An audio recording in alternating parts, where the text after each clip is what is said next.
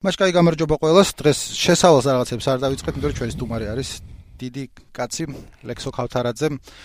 და თუ კითხულობთ ვინ არის ლექსო ქავთარაძე, რას ვატრაკებ, ვიცი რომ არ კითხულობთ, იმიტომ რომ ჯერ ერთი ლექსენის სახელი გვარი ყველა მიცის, მეორე ერთი აწერია ფაილს, ვინც არის ჩვენთან სტუმრად და გამარჯობა ლექსო.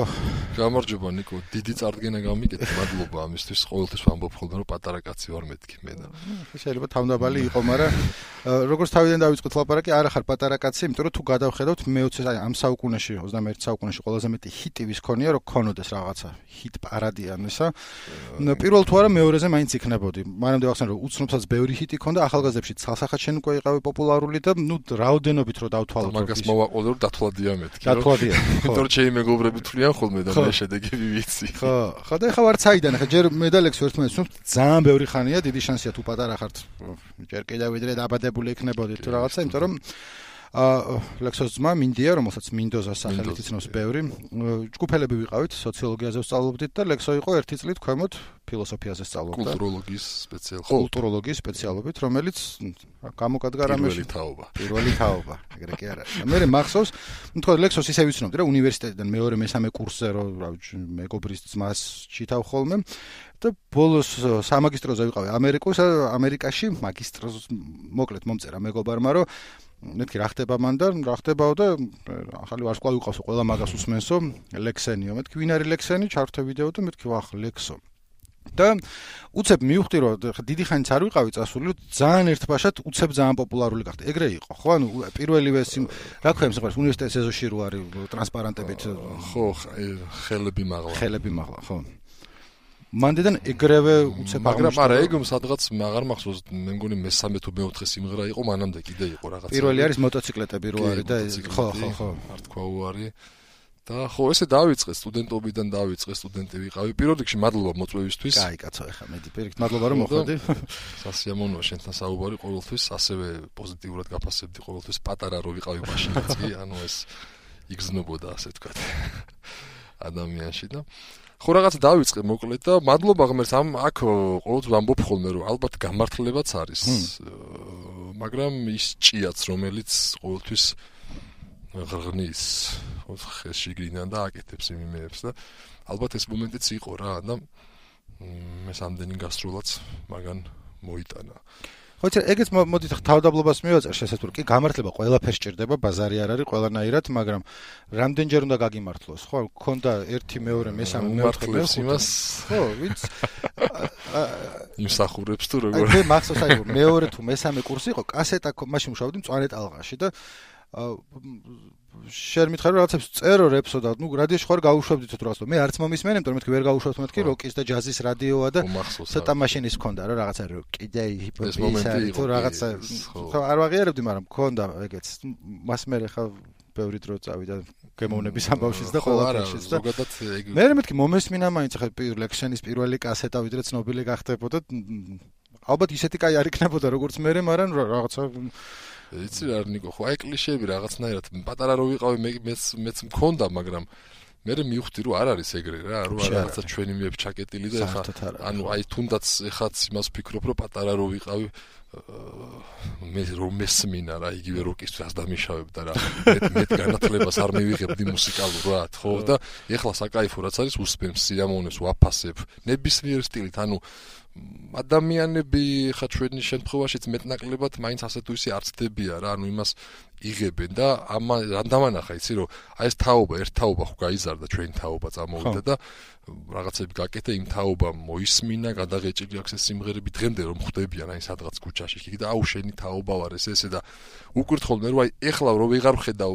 და აუ მე ხო იცი ინტერნეტში არ დავძრები ანუ ის YouTube-ში აღარ შედის და ეს მომავალი თაობა თინეიჯერები პატარები ვინც ამოვიდნენ ვინც წესით არ უნდა იცოდეს ლექსენი სიამოვნებს რომ იმ წერენ Facebook-ში, ქუჩაში და ანუ ეს როდინდელი სიმღერაა.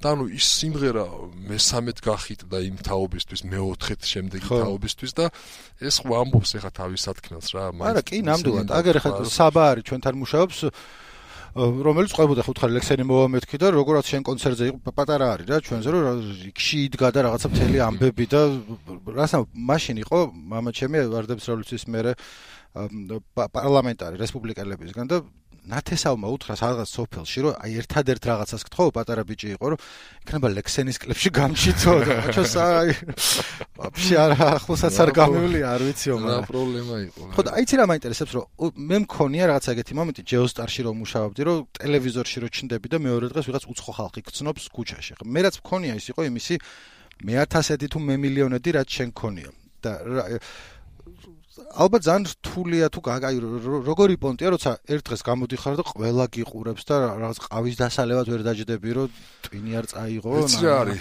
ალბათ ხო საინტერესო ის არის და ხშირად მიფიქრია მაგაზე მაგრამ აი იმ პერიოდში როცა ძალიან ზენიტში ხარ და კულმინაციაში ხარ ხო და ასაკიც რო პატარა გაქვს ნაკლებად ფიქრობ მაგ ფაქტორზე და ალბათ მე ისევ და ისე დაუბრუნდები ახლა არ ვიცი ბუნები თუ არის ესეთი რა ვცდილობ რომ აი თავდაბალი ვიყო რომ შეიძლება კომპლექსია ეს ჩემი რომ დაუშვათ ადამიანებმა არ იგზნონ რომ მე ვინმე სტივეტიპები და ზემოდან უყურებ იმიტომ რომ ეს კომპლექსი ზოგადად საზოგადოებაში და ერში რომ ეგ მე ხო გრუზავს ხო არ იფიქრონ და მე ცოტა სხვანაირად ხო რა თქმა უნდა ჩემთვის არის ცუდი პირა ხო და ანუ და მე ტიპები როგორ რაღაცებს გებაზრებიან ხო ხვდები აუ შენ რა კაი ტიპი ყოფილხარ ეს ანუ იმის წარმოდგენაში ესეთი ტიპი უნდა იყო ხვდები?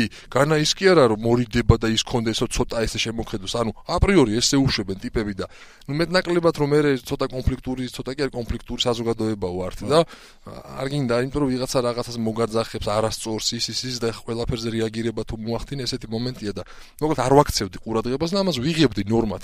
და მე გარკვეული პერიოდის მე წლებიც რომ მომემატა მე მივხვდი რომ მაგრად დავი ვიღალე. აი და დამთრგუნა მე და ამეწყო ნერვოზებიც ის იმიტომ რომ უკვე აუტანელი იყო რა რო არის თან შე რო აქცე მე ტიპი ვარ ისეთი რო აი კონცერტის მიერ თუნდაც ფოტო უნდა სანამ ბოლოკაცი არ მოვიდოდა და ფოტოს არ გადაიღებდა ჩემთან რომ მეთქი როგორ ე არა მაქვს ვალდებულება მაქვს იმისი რომ ადამიანი მოვიდა მოგისმინა და ეხა ისე დატოო რომ ავტოგრაფი არ მისცე რაღაც ჩემში აждდებოდა რომ მეთქი გამისწორა მოვიდა მეც გაუსწორო მოვიდეს და მერე მერე ხანგრძლივ დროის მერე ხვდები რომ დაგღალა ამ ყველაფერმა და რაღაცა მერე უკვე მე თვითონ დავიწყე მორიდება ანუ ხალხმრავალ ადგილებში აღარ მიდიხარ იზღუდავ შენ თავს ვერ ერთობი ისე რაღაცა ისი ახდენ იზოლირებას შენი გარემოსი რომ შენ პონჩი და რაღაცა მეორე უკიდურესობაში ვარდები ხარ ესა კარგი. ხო ხვდები მაგრამ ნუ ნუ ერთი ისა გაქვს რომ ეხლა მე კაი ხანი შეხება აღარ მქონია მაგრამ წესრიგა თუ წესიერი თუ რა თქვა თქვა წარმატებას რაც შეიძლება პლუსები მოიტანოს არ ვიცი ნაშობა და რაღაცა გაჩითვა პონჩი და თუნდაც ნარკოტიკები და რაღაცა არ იყო ხოლმე შენთვის. არ ვიცი რამდენი რა როგორ გაგისინჯავს და რაღაცა ყოველს თავის საქმეა მაგრამ შენთვის დიდი ის არ იყო ეგა არ იყო ნიკო ხო ვიცი რა რა რატო აი რა პონჩი გეტყვი ანუ ზოგადად სპორტული ცხოვრებით დავიწყე პატარაობიდანვე ცხოვრება და იმდენად მივეჩვე და მე ვფიქრობ ამას ვამბობ ხოლმე დღემდე რა ანუ ჩემი кайფი მუსიკა, სპორტი, სექსი.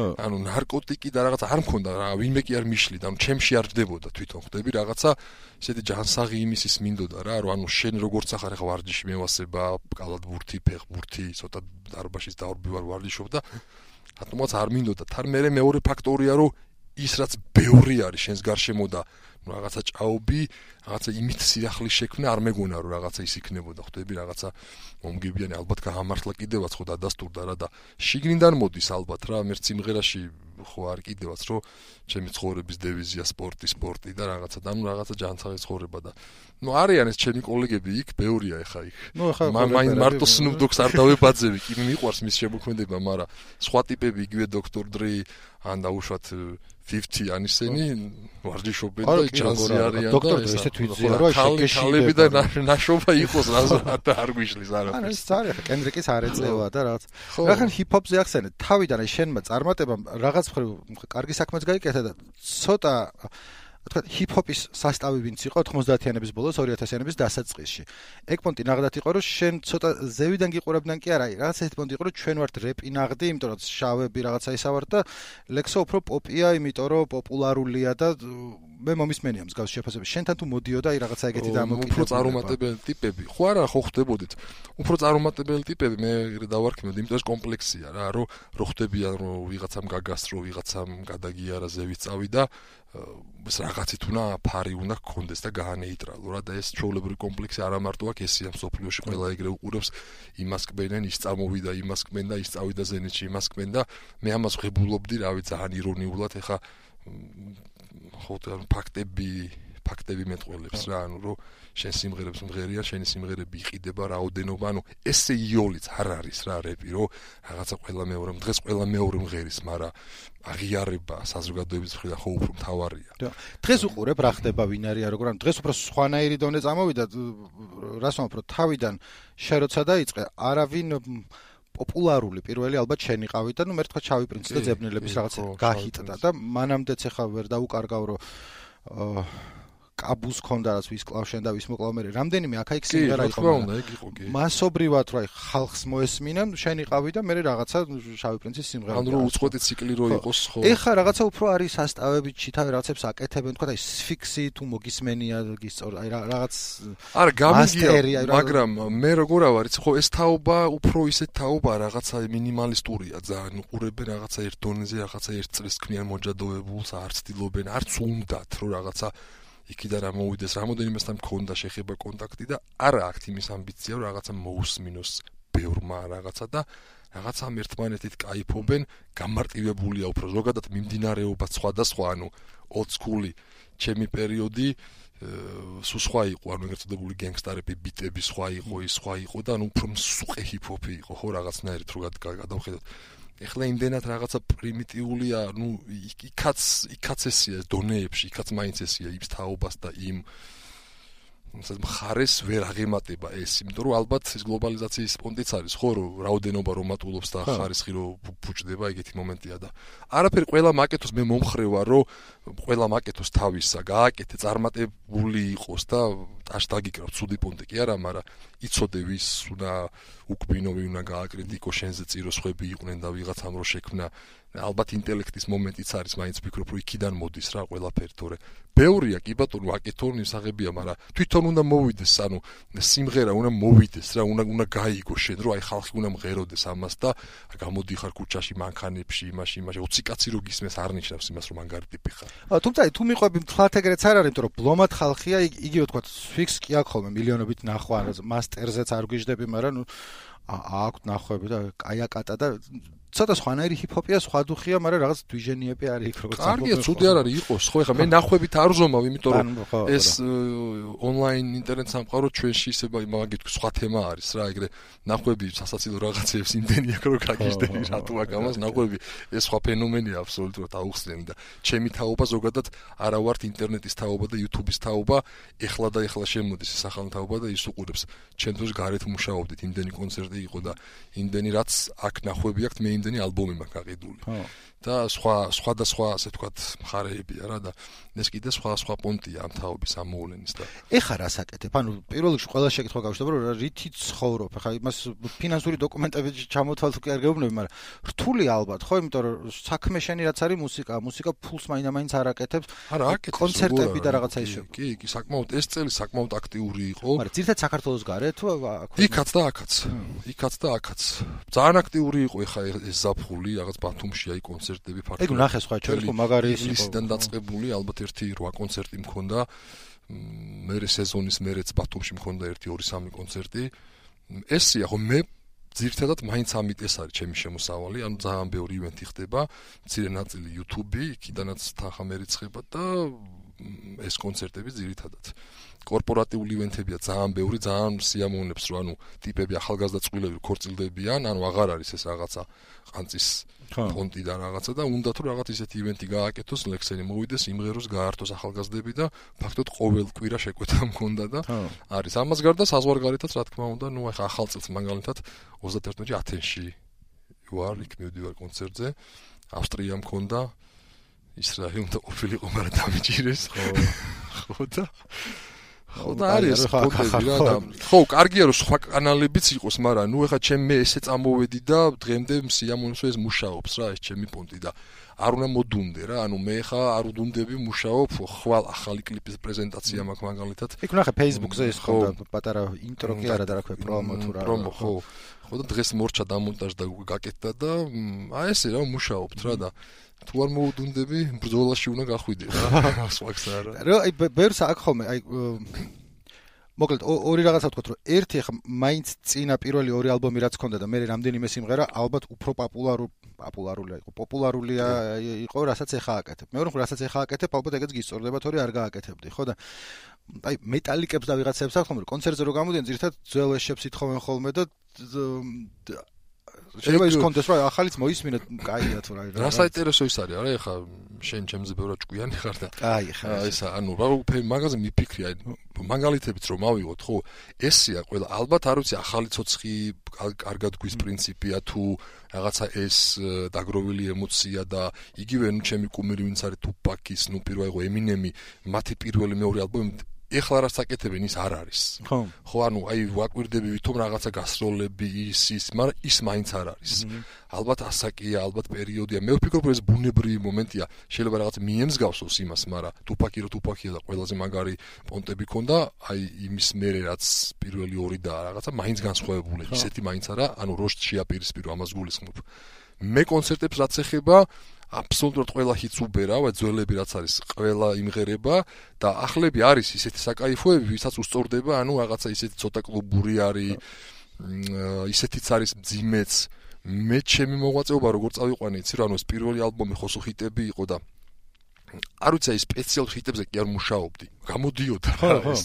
ხალხი ახიტებდა და მე რაღაცა ეს მომენტი ხო იყო პროტესტი რომ რაღაცა სუისენი და ცოტა მძიმე და რაღაცა და მაგრამ როგორი კომპლექსი ასაინტერესო ფენომენია დავაკვირდი რა და რატომ ძიმე შესთავაზე ხო? კი არ უსმენენ ხო. აი ეს არის სუფთა ბლეფია რომ YouTube-ში ხა ბევრი ხვამოს რაღაცა ანდერგრაუნ არის იცი როგორ თე სოციალური თემები დეს ვიღაცას აჯვავდა ვიღაცას საკრიტიკებს ეს მაგრამ აპაპაპ იმას საქმე თვითონ მაგრამ იქ არ შევა და არ მოусმენს ეს უნდა რა თვითონაც რომ ძიგძიგოს და გამანქანაშიც რომ ჩაურო იცი რა იცი რა ისენი სიმღერებია გაჩვენებ მე ნახავ მაგრამ ეს კომპლექსი ალბათ არის ადამიანში. ერთ სიძახის და მეორეს უნდა რომ უსმენდეს მაგრამ მე მაინც შევთავაზე ეს რომ ესეც ქვია სიმღერას კულტურაშია ერთ სხვა რეპერტუართან რომელსაც არ ვიცნობ, მაგრამ ხვალე ხვალე არის ჯგუფი და მათთან ერთად. ისიც აი მე კიდევ ერთხელ ნახვებით შეიძლება არ ზომავდე, მაგრამ რაღაცის მაჩვენებელი არის, რომ ის არის გამოვიდა კი ბიჭები მუშაობ მათში დავინახე ეს რაღაცა მარცვალი ნიჭიერების და რაღაცა ერთად გავაკეთეთ. მე ორი ორი ნამუშევარი გვაქვს, მეორეც ძალიან მაგარია.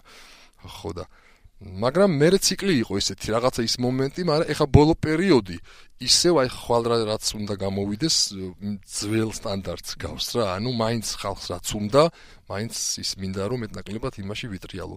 უბრალოდ არ מחასიათებს ეგეთი რაღაც, რომ აი მარტო ჩაციკლოთ ერთი აკეთო და რაღაცა აი მიყვარს სხვადასხვა ბიტები, რითმიც სხვა, სხვა ხო რო ეს მრავალფეროვნება იყოს, რომ რაღაცა კლუბში ვიღაცა მოვა და დაუშვათ რომ არჩევანი მაგალითად იყო არჩევანი რომ ეხა ამ წელს გქონდა ეგეთი მომენტი რომ იქით უკრავდაო დებორაო. არ რაღაც არ ვიცოდი ვინ იყო ეს დებორა არც ახლა არ ვიცი. მეც არ ვიცი ხო და რაღაცა ხალხი მწერდა რომ აუ ბიჭო იქით დებორა და ცოტა ვერ გადაწევ რას გადავწევ მე დებორა. ხო არ უბერავ თუმცა ანუ ანუ ელექტრო რა და ესე მოდიოდა და მეთქი სადაც ვიწროა იქ გაწდეს გადამწევის დედაც მეთქი რა გადავწევ ბიჭო სულელი ხო არ ხარ ანუ შენი მსმენელი შენთან უნდა მოვიდეს. რა ვიცი ხო და მე რე იყო ეგ მომენტი რომ ტიპები იქიდან გამორბოდნენ და მოდიოდნენ იმიტომ რომ აქაც არის ისეთი რაღაცა მაგ ეგეთ სიმღერები რაღაცა კლუბური ცოტა ტემპიანი რომ წავიდეს და და სთავაზობ ამას რომ ისიც მიიღოს ისიც მიიღოს რომ ეგ არის კონცერტის მუღამი რომ აბა თუ ესე დააყენე მარტო პირღია და ვერაკაიფი ხალხი და ვერაყვა და ვერააგდე და არის ძიგძიგის მაგრად მე კეთავს, ამიტომ ვცდილობ ესე ვიმუშაო, რომ კონდეს ეს მარაგი და რესურსი, რომ ყველანაირად მიაღებინო ყველა კატეგორიას სიამოვნება. ბევრჯერ მინახავს, რომ ტიპები ზოგი ხო არ დგება რა და რომელიღაცა კონკრეტული სიმღერა რო დაიწყო და რომ ის ტიპი რო დგება და რომ მოდის და რო ცეკვავს. ნო, ანუ გამომბული ყავს მაინც და შეიძლება ერთზე არის ცეკოს, მეორეზე, მესამეზე, მაგრამ აი მეოთხე რო დაიწყო ად გამოვიდა და ცეკვავს. ხო თან დროც იმას შვება რა, რომ ხა სიმღერები ზოგი რჩება, ზოგი არა და შენი ბევრი დარჩა იმ ხრივ რომ ჩაერთვება გაცეკვებს რა რატო არ უნდა იცეკვან რა. კი ძალიან ძალიან აი მე თვითონ ისეთის მეუფლება ხოლმე რომ ძალიან ბედნიერი ვარ მაგ დროს რომ ახლა წლები გადის და ესე მაგრად მღერიან ამ სიმღერებს.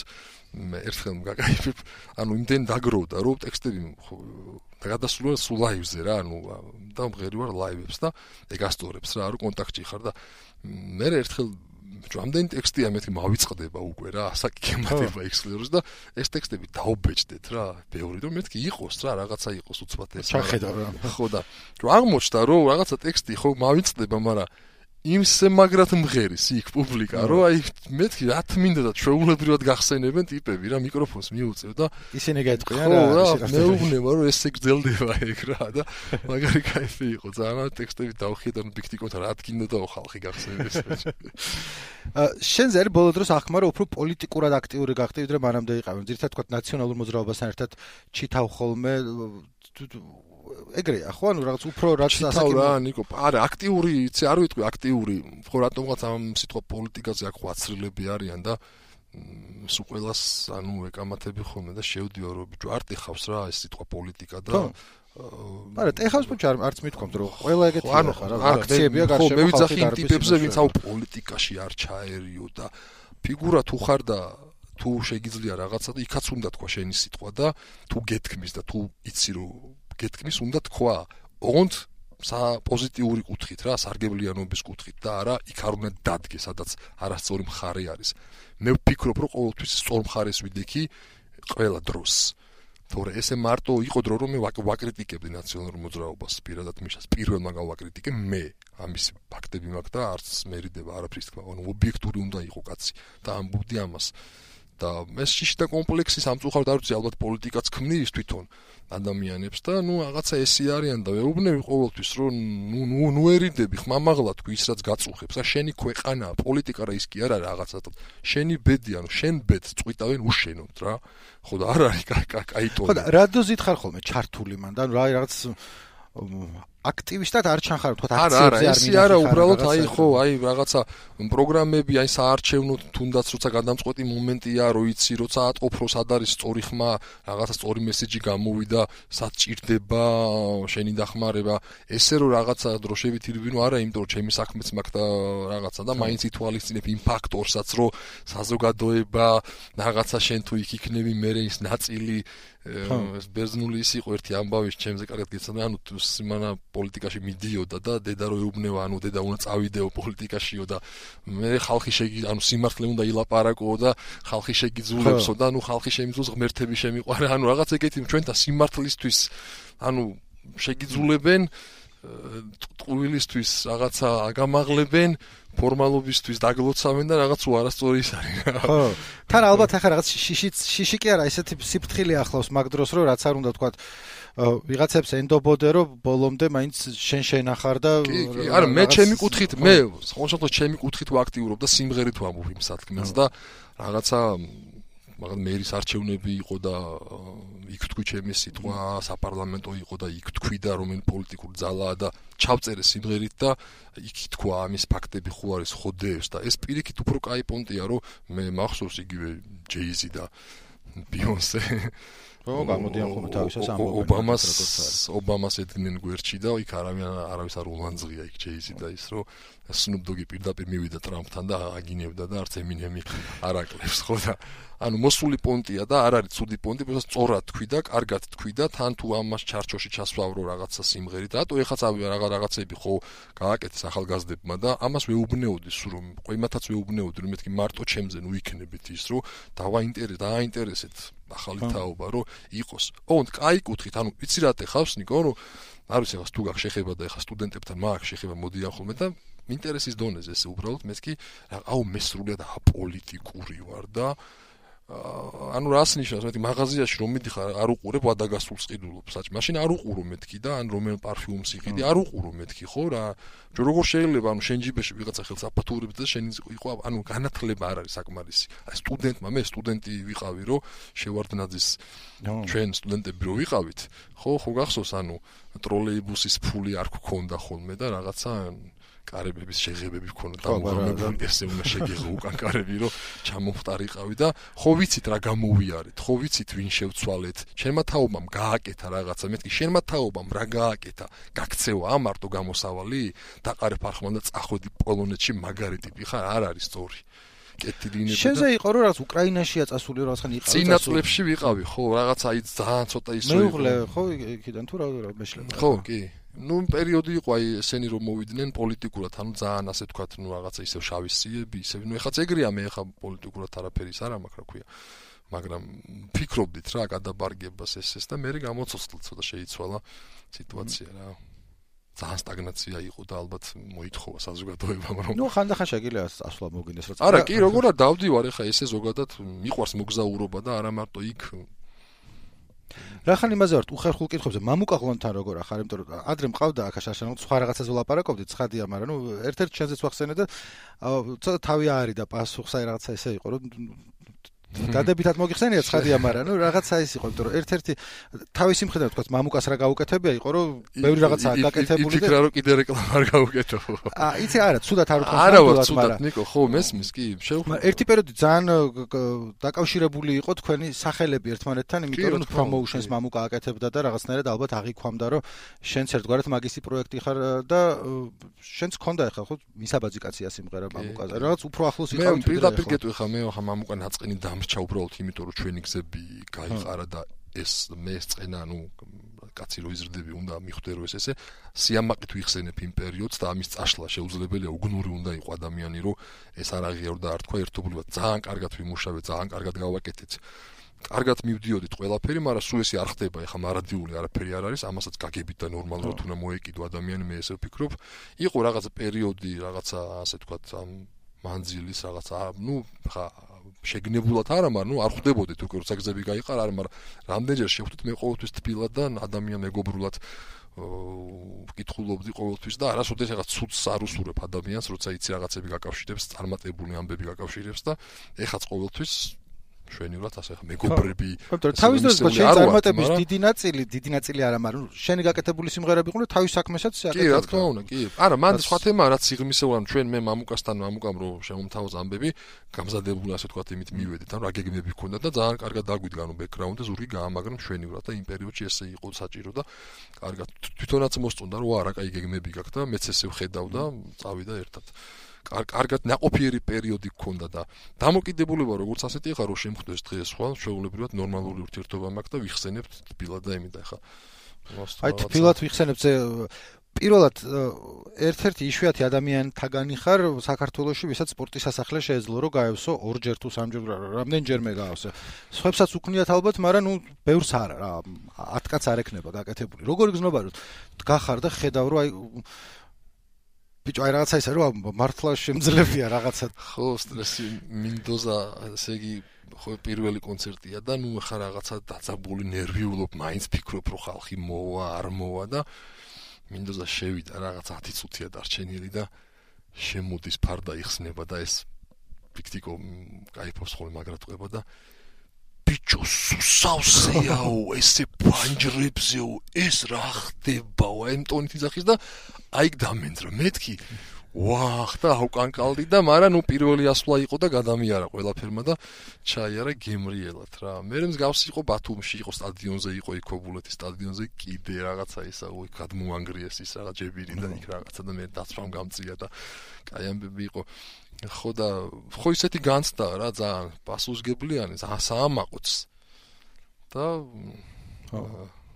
და ეგ მე რა ცოტა არ გრუზავს პასუხისგებლობის ამბავში, თქვა რაღაცა ერთი ალბომი გამოვიდა, გაიყიდა, გაჰიტდა, რაღაცა მეორე გამოვიდა, გაყიდა და მე წერ სიმღერას და რაღაცა ისე ხარ, რომ ეხლა რაღაცას ელიან ჩემგან თუ აი შენ თავთან ვალში ხარ რომ რაღაცა გააკეთო თუ არ არ არ არა იცი რა არ ხარ იმიტომ რომ ეს ხო არასრულ აი როცა როცა ანუ რო იტყვია რა როცა გადიხარ ბოლოში ანუ გაიტან ამასთან რაღაცა ალამსა აფრიანლებ და აი სანახევროდ როცა რჩება რაღაცა ხო ხვდები? ანუ მაშინ შეიძლება კონდეს ეგ მომენტი რაღაც ერთი ვერ მოარტყი მეორე ცადო მაგრამ როცა ეს დიდი ციკლი მიდის მიდის და უკვე რაღაცა ანუ როგორ როგორ ავთქვა ანუ ეს გასინჯული თემაა უკვე და ყველა მიცის და მარადიული ვერ იქნება. ხო ეხა სულ ესე უსა მეორე მე ხა მესამე ალბომი.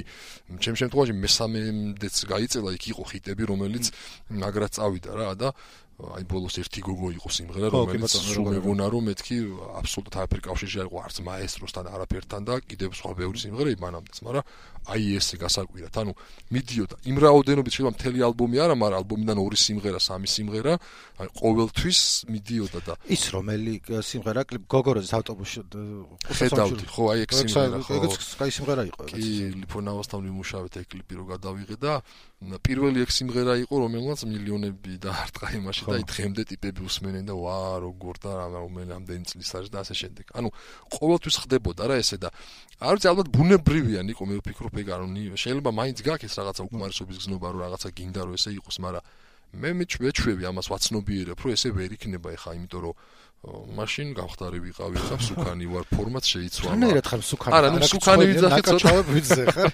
სუკანი ცოტა მის არა. ხან არ ვერ ხედავენ მაგითო. ანუ მის მინდა რომ ხო ხო ბერდები ადამიანი ისულები რა, საფის ჭაღარა გაქვს, წნევები გაქვს და რაღაცები და სიროფები და და ცოტა ის არა გაქვს მომენტი რომ აი ცოტა მაინც უფრო წესიერი ქვეყანა რო იყოს იმას ვამბობ ეკონომიკურად იმ დონის წარმატებით რაც შენ გქონდა წეს დიდარი უნდა იყო. ანუ აი შეგიძლია რომ ამით აი მიხვედი მაგარ საინტერესო თემასთან. ეს მომენტი გქონდა ეს მომენტი იგზნობოდა ხოლმე ჩემს ანუ პირად ურთიერთობებში. და მე დავასკვენი ანუ რა უფრო გოგოებისგან გამომდინარე რომ ანუ ესე იგი პოპულარობის ხარისხი იმენად მაღალი იყო ჩემი. რომ ანუ ყველა ელოდებოდა რომ მე უნდა ყოფილიყავი მილიონერი მატერიალურად ძალიან მაღლა მდგომი ანუ აი ეს აპრიორი ესე ეგონა ტიპს რა. ხო, მაგრამ ჩანს სულ როლექსენ. და ეხლა ამას ვინ ვინ გეუბნება და ნუ გოგო რა რაღაც გოგოებში რაღაცა იქ რაღაცა ერთობი ესე ესე და მე რო ხედავდნენ რომ რაღაცა იქ თურმე ზედ ვერ ყვები რაღაც ვიფასია სუნამოებს არ ჩუქნიან რაღაცა იყო პერიოდი რომ ნუ მანქანებიც მანქანაც არ მყავდა შესაბამისი რაღაცა იმ დავდიოდი ძველი მანქანით იმით იმით. მე ეს რაღაცა ვა ეს როგორი ღარიბი ყოფი ანუ რაღაცა ანუ ესე იგი როგორ რადიკალიზმია რა ესე იგი კიც პოპულარობა ძალიან დიდი და ანუ ცირედი იყო იმასთან შედარებით და ანუ პროპორციულად რო შეაფასო რაღაცა შეიძლება 100%-ზე 10% მოდიოდა და რაღაც ეგეთი მომენტი. ხო ეს ეხავდა ჩემთვის რა თქმა უნდა მაგრამ ესეთ ქვეყანაში ვცხოვრობ და ერთი ორმა მითხრა ეხლა პირადად მწერდნენ იქ Facebook-ში რომ ნეტ აი შერო სხვა ქვეყანაში იყო ეხა მილიონერი უნდა იყო და რაღაც ეგეთი მომენტები ნუ არის. ალბათ ნუ ხალხი ჯანსაღი აზრი ხედავდა მაგასაც რომ ესე უნდა იყოს ესე უნდა იყოს. აქ არ არის ეგ მომენტი იმიტომ რომ ოდნავ რომ შენ თავს რაღაცა მეტი ფასი დაადო ის ეგრევე უკანი ხევს და აი პირიქით რაღაცა ხო რაღაცა ეს ცი როგორ არის რომ ანუ სიმღერა გონიათ ანუ აქ კულტურას ფასი არა აქვს. ეგეთი პონტია რა ანუ კარტოფილში უნდა გადაიხადო მომატებული ფასი და თუთუნში თამბაქოში რაღაცაში მაგრამ ნუ სიმღერა ერთი გვიმღერე რა ძმაო მაგას შენაკეთებ აი თქვა შენი სიმღერები არის სტრიმინგ სერვისებზე არის რაც ბევრს არ აქვს ხოლმე გაკეთებული? ბევრი არაფერი უნდა მაგრამ ნუ ელემენტარულად რაღაცა შენთან შვები ხოლმე მაგას ვთქვათ იქ იყოს Spotify-ზე იყოს Google Play-ზე Apple Music-ზე. ეხლა არის ესენი ხო ეს ერთ-ერთი კომპანია ვისთანაც ვინც იყო ინიციატორი იდეები ამის და მე მქონდა ჩემი დამოუკიდებელი და მე უფრო ფართო მასშტაბი შეუმთავაზეს და მივეც ჩემი სიმღერები რომ იყოფილიყო და კარგი არის. მაგრამ მაინც YouTube-ი უფრო ხო. მუშაობს. კი ეგრეა ხო. თორემ იმაში ფულს იხდი და რაღაცა და YouTube-ი უფრო მე მაგ და ამიტომ თუ ვინმე ქართველის მოსმენა მომინდება ხოლმე შენზეც და სხვები ვთქვი რომ YouTube-ზე არ მოусმინო და იქ რო რაღაც ერთი თეთრი მაინც თუ დაждდება დაფასების ამბავი შეიძლება სიგარეტი არ გიყიდოს არაწევი მაგრამ მაინც. მაგრამ ნუ გამოჩდეს რომ რაღაცა 001 თეთრი მაინც თუ არის უკვე რაღაცას ნიშნავს რომ გადაიხადა შორის აი ციგორ ტიპები აი ვინც ამერიკაში ცხოვრობს მაგალითად რაღაცა ანუ აი ეს ინტელექტივისაც აქვს და იცის ფასი რომ შენ ამაში იხდი და შენ გაკუფლება შენი ხდება ხო? ანუ ეს მომენტი რა რომ ანუ მე ჩემი მინდა ნათხოვარი არ მინდა თემა არის. ბევრმა მითხრა რომ აი ტელეფონში აქედან მინდა რა რომ ჩემი იყო ეს ჩამოვტვირთო მქონდეს რაღაცა რაღაცა და ზუსტად ეგ მომენტი რა და ძალიან დასაფასებელია. სხვათა შორის აი ამერიკიდან ბევრმა მითხრა რომ აი როდის იქნება როდის როდის და იქ აიწინოს იქ ეს იქ ეს იქ ეს და მე როვა ჩვენი გაუხარდათ მაგრამ სულ არ უყურებენ ისინი ხო ესე უნდა გადახტილი გაქვს უკვე. ახლა შეიძლება არ ვიყიდო ალბომი იმიტომ რომ აღარავინ აღარ ყიდულობს რაღაცა მაგრამ რაღაცნაირად რომ გამოიჩინო რომ შენაირ ახლა დრეიქს არ დააკლდება რა სხვაგან თუ მოусმინე და სხვათა შორის ისენიც მასე უფრო იყიდება ახლა ვიდრე რაღაცა მორჩა ის ის და ისიც მორჩა უკვე რაღაცა ანტიკვარულ დონეზე შეიძლება რომ ეს კონდეს რომ რაღაცა სტუდიაში გააკრას ხო სილამაზის ეს ფაქტი ხო არ არის იმიტომ რომ ეს კომერციული ფორმები შეიცვალა და კარგიც არის ხო ნუ ამ კუთხით ალბათ ევოლუციას მოაქვს ესეთი რაღაცეები ხო. ისა ბოლოსკენ გავედი ჩვენა და ორი რაღაცა მინდა რომ ჯერ თქვა რომ ერთი ხვალ გაქ კლიპის პრემიერა სადმე არის როგორ არის ასაჩი კი ხვალ მაგ კლიპის პრემიერა ეს ლაუნჯ ბარი არის კლუბი დეფლორი ეს არის უნივერსიტეტის ქუჩაზე მან გადავიღეთ ნაწილი და საკმაოდ კარგი გარემოა და მან მან გვექნება ახალი სიმღერა, სიმღერას ქვია გადამიარა.